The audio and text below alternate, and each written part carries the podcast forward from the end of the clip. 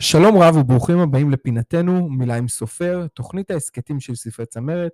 אני קורן ברויר, והפעם איתנו באולפן מוריה חביב עם הספר מקום בלב. שלום לך מוריה. שלום וברכה, שלום קורן. מה שלומך? אה, מצוין, ברוך השם, שמחה להיות כאן. אני שמח שאת איתנו. אמ, אנחנו מתכנסים כאן לרגל אה, יציאת ספרך לאור, ספר חדש, ספר ילדים, אמ, ספר בכריכה קשה. ואני אשמח שנתחיל בכך שתספרי לי מעט עלייך. אמ, אני אה, כמעט בת 50, עורכת דין ואדריכלית במקצועי, אימא ל-11 ילדים. וואו. כן, מפעל חיים. אה, והאמת היא שהספר נולד אה, מתוך הבית.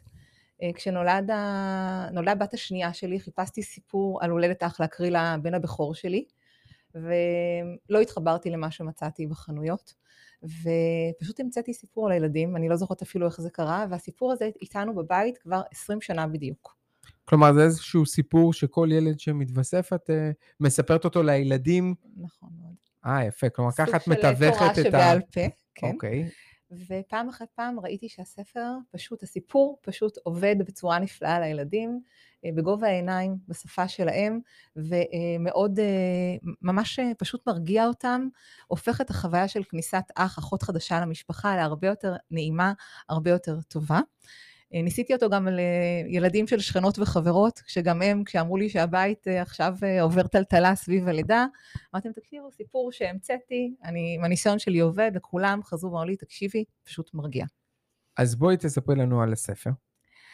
הספר בעצם, אה, הספר בעצם מכין את הילד, אה, מספר לו, מיידע אותו על זה שיש לנו לב, הלב הוא משכן הרגשות, ודרך הסיפור הילד למד שהלב של האימא בעצם הוא משהו שהוא חסר גבולות, שהוא יודע להכיל את כולם, שיש מקום לכולנו, והוא מאוד מאוד מרגיע בצורה חווייתית, אה, בצורה שהיא מאוד נעימה לילד, בצורה מסקרנת.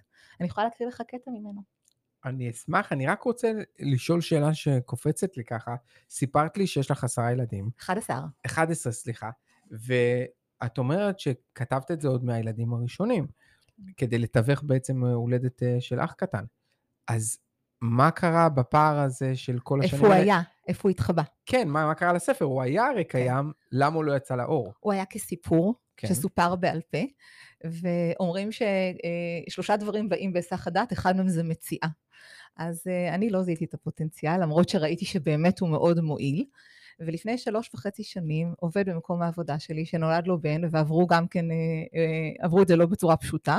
Uh, שיתפתי אותו בסיפור, ולמחרת הוא חזר כולו נרגש, את צריכה לכתוב ספר, זה פשוט עובד. ומאז אני בתהליך. יפה. אז עכשיו בואי נשמע קטע מהספר. הפתעה, חורף הגיע, תינוק חדש מצטרף למשפחה וקוראים לו מיכאל. הפעם פונה הלל לאימא, וכך הוא שואל, יש כבר כל כך הרבה דברים בלב שלך. יש אותי ויש את יעל. איפה נמצא מקום בלב גם לתינוק מיכאל? יפה. אמ, אז אני ארצה לשמוע ממך, מוריה, האם יש איזשהו מסר שאת רוצה שהקוראים ייקחו איתם, או שההורים שיקראו את הספר הזה לילד שלהם, אה, ייקחו איתם? ברור לכולנו שכל מי שנוגע בספר הוא מושפע ממנו ולוקח איתו משהו הלאה. הספר כמובן מיועד בראש ובראשונה לילדים רכים, גילאי שנה וחצי עד שמונה, גם ראשית קריאה, אבל גם להורים. בעצם הספר אה, עוזר לכולנו להבין שהלב שלנו, בשונה מדברים חומריים, יש בו שפע מקום, ויכול אה, להתרחב ומכיל בתוכו את כל מה שרק חשוב לנו. אה, גם הילדים נרגעים בזכות ההבנה הזאתי.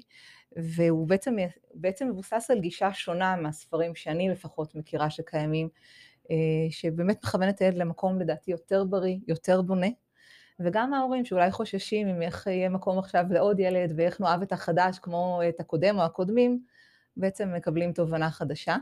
אה, אני חייבת לציין שהספר הוא ראשון בסדרת סיפורי ילדים, סדרה בת שישה סיפורי לב.